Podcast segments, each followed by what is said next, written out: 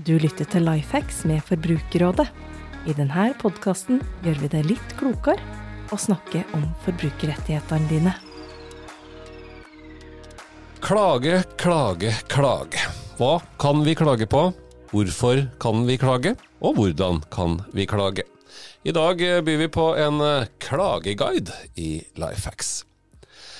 Ja, velkommen. Jeg heter eh, Bengt Eigil Ruud. Gjest i dag er kollega her i Forbrukerrådet fra vår juridiske avdeling, Kristoffer Sørli.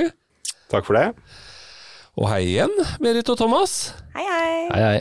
For uh, nye lyttere så kan vi jo presentere dere ordentlig. Berit Aamodt fra veiledningstjenesten vår, Thomas Iversen, forbrukerjurist her på huset.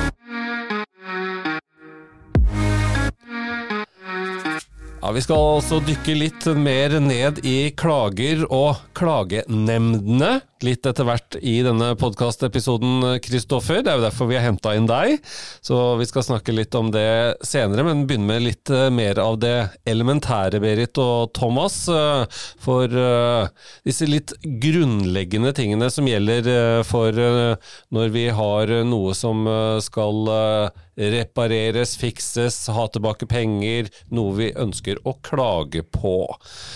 For klaging, eller det med å være misfornøyd med noe du har kjøpt, eller noe som ikke sto til forventningene, noe som ikke er helt i orden, det er jo ting som eh, alle har opplevd når vi har handla tjeneste eller eh, produkter. Og så er det jo sånn at du, Thomas, sier jo at eh, vi har blant verdens beste forbrukerrettigheter her i landet. Det er jo bra. Er vi også veldig flinke til å klage og jamre og benytte oss av disse rettighetene? Ja, vi har en av verdens, hvis ikke kanskje verdens beste forbrukerrettigheter, men de hjelper jo veldig sjelden veldig mye hvis ikke du tar kontakt hvis noe er gærent. Og vi ser på undersøkelser Forbrukerrådet gjennomfører at rundt 40% av norske forbrukere i løpet av ett år er misfornøyd med minst én vare eller tjeneste de har kjøpt. Så det er nesten halvparten av alle oss opplever at eh, noe de har kjøpt ikke svarte til forventningene. Og det som er litt positivt da, er at eh, hele 80% av de som er misfornøyd, velger å ta kontakt med, med selger eller med tjenesteyter for å gjøre sin misnøye kjent. Så det Vi er flinke til å klage, men på en positiv måte, og, og, og gjør dette fornuftig og bra. Ja, vi er flinke til å, til å, klage, og det eneste kanskje vi kunne vært flinke til, var å klage litt grann fortere, istedenfor å la ting eh, skure og gå litt. Ja. Så det føles litt, eh, litt verre enn det var, kanskje. Ja. Og det er jo kanskje noe av det som dere opplever på veiledning, eh, Berit. At folk ringer oss og lurer på om de kan klage, og når de kan klage. Og så har det allerede gått en stund siden de skjønte at de, dette her var de ikke helt fornøyd med. Ja, det er nok mange som ser at tiden ikke kanskje strekker helt til, eller hva det skulle være som gjør at når noe oppstår, så er det kanskje ikke første prioritet. Men så er det klart at etter hvert som eventuelt da det problemet blir større, eller man har gått med det over litt lengre tid, så tar man det til seg at vi bør faktisk klage her. Eh, og det er klart at det er alltid eh, lurt å klage så raskt som mulig. Både fordi det gjør det lettere for en selger å ta tak i problemet, men også fordi du kan miste den retten du har rett og slett til å klage hvis ikke du har gjort det mm. eh, tidlig nok. Mm. Legger folk eh, lista høyt eller lavt for uh, når de liksom Skal det mye til for at de synes at de kan klage? Svar på det blir vel egentlig både ja og nei. ja, ikke sant? eh, vi blir jo kontaktet av eh, forbrukere som eh, absolutt ikke har en grunn til å klage, og eh, de som absolutt har en grunn til å klage, men som nesten er redde for å klage i det hele tatt. Så der er spennet stort. Mm. Er det noen ting som skiller seg ut på ting som eh, vi, ønsker å klage mer på enn andre ting? Ja, så det vi får mest henvendelser på, som da tilsynelatende er det folk også klager mest på, er jo bruktbil. Og det har vært på klagetoppen uh, over veldig lang tid. Um, så det er nok noe som mange har um, ja, dårlige opplevelser med, trolig. Uh, men så er det jo også da mange av de sakene som vi får henvendelser om hvor hvor det trolig ikke er noe å hente, rett og slett. Eh, at der er det ofte på kanskje en forventningsavklaring på hva du kan forvente av en bil som er ja, nærmer seg 30 år, f.eks. Så vi klager når vi er eh, misfornøyde, men uh, Hvis vi skal begynne med rettighetene, da. Når eh, er jeg i en situasjon som forbruker der jeg kan klage til eh, selger? Det er mange tilfeller der du kan, kan klage til selger, men uh, først og fremst så er det jo der det, du har kjøpt, enten det er en vare eller en, en tjeneste, ikke er i, i, tråd med det som er avtalt. Det kan være at, at uh, f.eks. En, en bil ikke har den standen det skulle være. Det er uh, skader som var skjult. Det kan være at et plagg som var markedsført som, som vanntett, ikke, ikke holder vann. Det kan være mange forskjellige ting. Og hvis tingen ikke er som avtalt, så har du, har du rett til å klage og så er det noen, eh, noen eh, frister typisk også som gjelder her, som er viktig å være litt bevisst på, og det får vi jo av og til spørsmål om, eh, Berit. Og det er jo ofte da når det gjelder ting, så har vi vel disse to- og femårsfristene som ofte blir diskusjon. Mm. Og der er det jo det å vurdere om en ting er ment å vare vesentlig lenger enn to år. Så har man en femårsfrist. Eh, og ellers så er det da to år som er hovedregelen. Eh, men det er jo viktig å være klar over at eh, om feilen som har oppstått er en mangel eller ikke, det må uansett alltid vurderes. Mm. Eh, selv om det kun har gått tre år, f.eks. Og så er det viktig ja. å reagere litt kjapt når du oppdager en, en feil ved tingen du har kjøpt. Ikke la det gå vinter og vår. Mm. Hvis det går veldig lang tid da, så kan du risikere at kravet ditt faktisk eh, forsvinner helt. Selv om det er helt rettmessig, og selger egentlig ville vært forplikta til å kanskje både fikse opp og gi deg en ny vare. Hvis du da venter i, i lange tider. Så vårt beste tips er å klage relativt kjapt, og i hvert fall innenfor de første to månedene. Tilbake til det igjen, altså. Det må mm. vi huske. Skal vi klage, så ikke, ikke nøl. Ikke nøl. Nei. Eh, men hvis vi klager, så, så, har jo selgeren eh, vel noe også vedkommende skulle si om den saken. Eh, hvordan oppretter vi en dialog, eller hvordan går vi fram?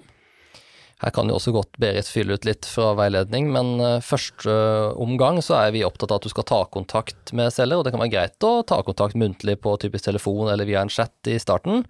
Og så kan du eventuelt følge opp med noe skriftlig seinere, for selger har jo også rett til, til, å si sin mening, og som regel også til å både undersøke varen eller komme hjem til deg og titte på, på tjenesten hvis det er noe gærent. Ja, og det er aldri noe i veien for å gå innom butikken og be om en undersøkelse eller diskutere saken også med selgeren, fordi jo tidligere ute man er, jo roligere er man selv ofte, og eh, jo mindre vanskelig blir kanskje den diskusjonen helt til å begynne med. Og da kan man ofte komme også frem til gode løsninger eh, hvis man er tidlig ute. Mange for, for, sier jo at man er eh, nødt til å ha uåpna pakke og sånne ting for å behandle det ordentlig har vi, har vi krav på å få fiksa noe, selv om vi har åpna pakka, kanskje prøvd varen eh, litt også? Ja, eh, retten til å klage når ting ikke fungerer som det skal, gjelder eh, også hvis du har brukt produktet helt vanlig. Det, det, er veldig vanlig at det settes begrensninger hvis du har åpent kjøp eller andre typer sånne ekstrarettigheter, men når du skal klage på ting som ikke holder mål, da er det helt greit å ha brukt, brukt varen akkurat som vanlig. Ja, så det, det gjelder for uh, uansett. Det, det, kan ikke legges begrensninger på det. De rettighetene har vi. Uansett. Det er ikke noe returrett, bare det. Det er faktisk retten du har til å klage på noe som ikke er som det skal.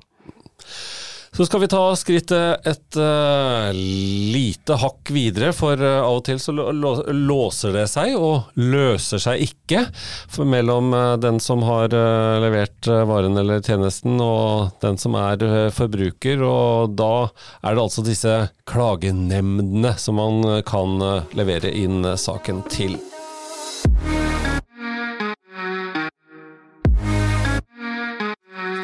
Ja, Kristoffer, da er vi over på det temaet som vi har eh, invitert deg for å snakke litt uh, om. Klagenemnder.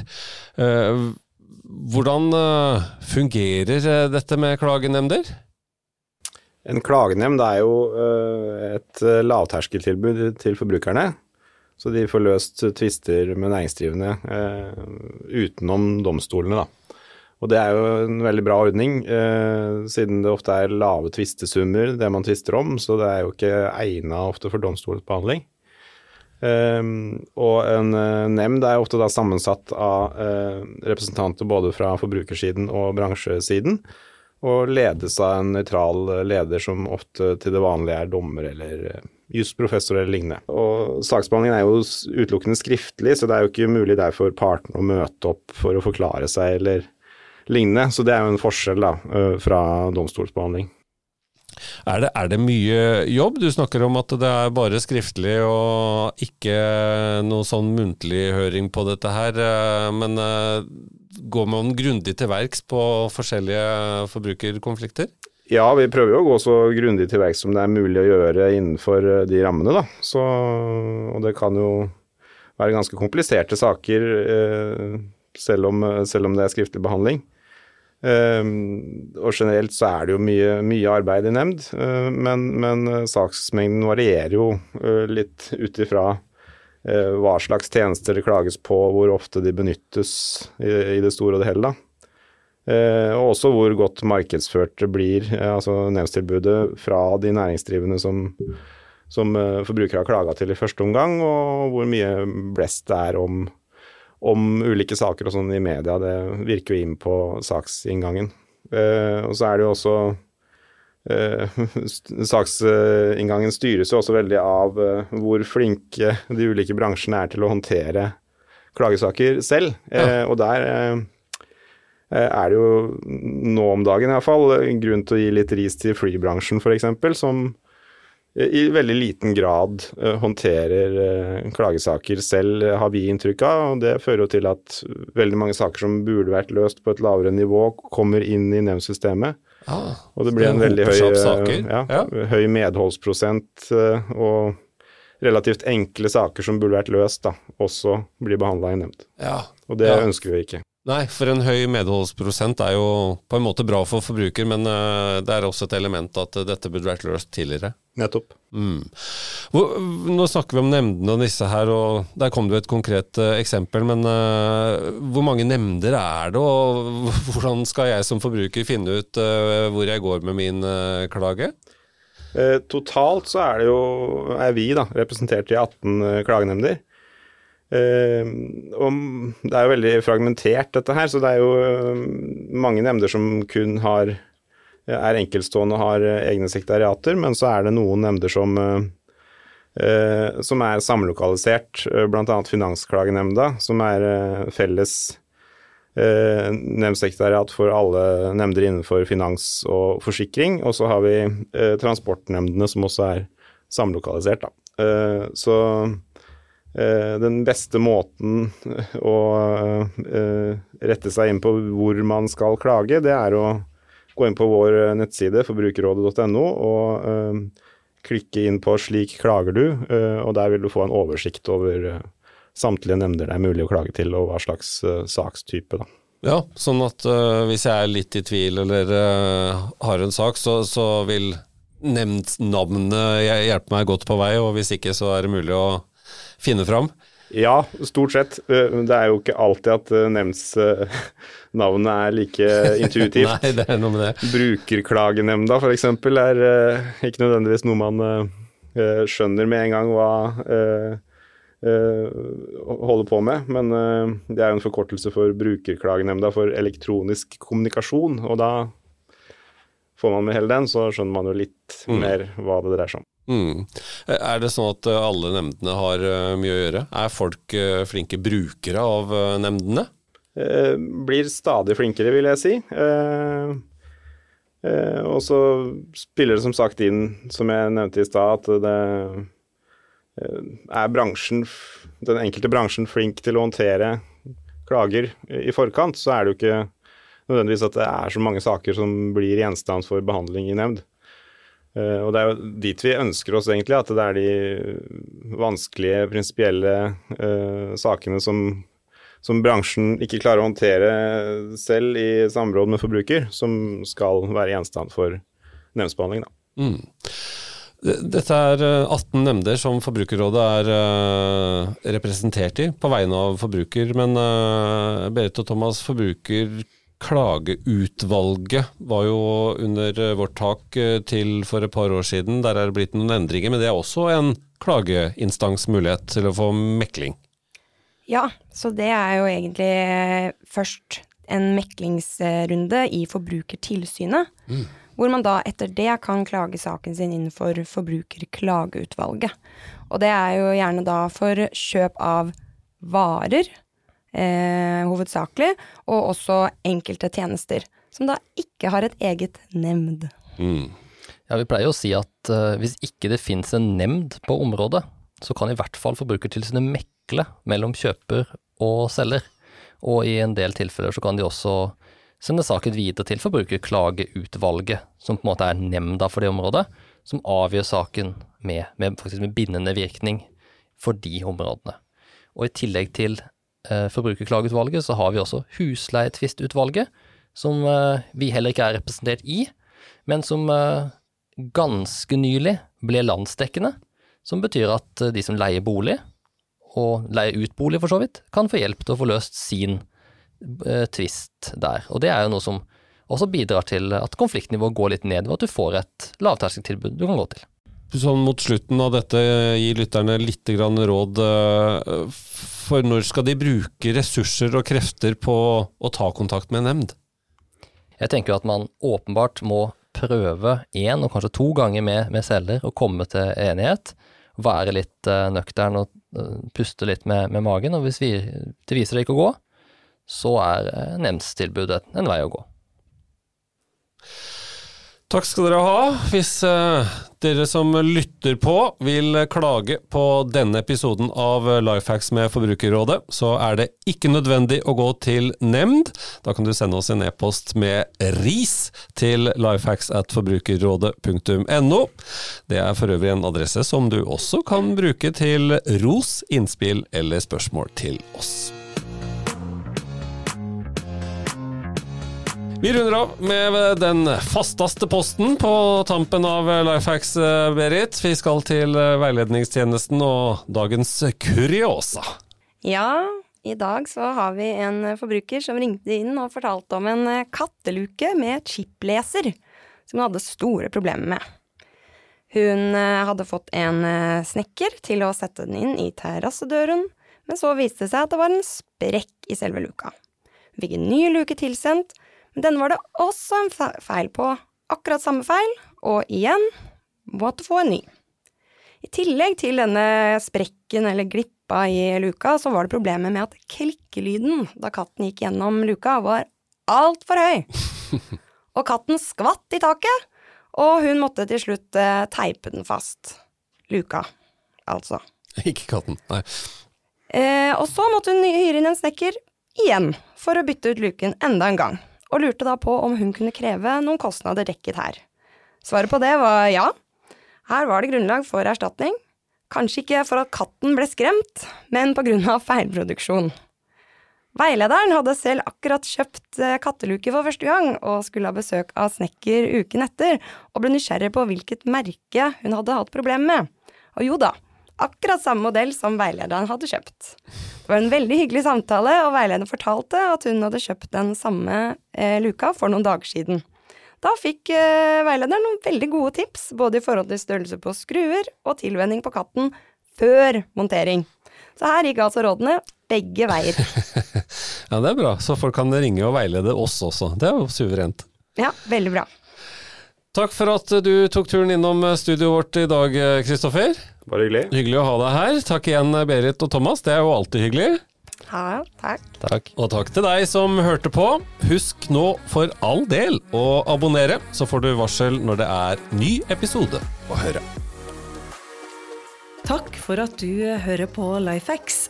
Du får nye episoder fra oss annenhver uke. Abonner gjerne, så får du nye episoder der du liker å høre dem.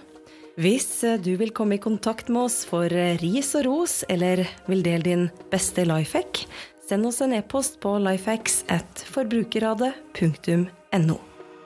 For andre forbrukerhenvendelser er det de vanlige kanalene som gjelder. Du når våre forbrukerveiledere via kontaktinformasjon du finner på forbrukerrådet.no.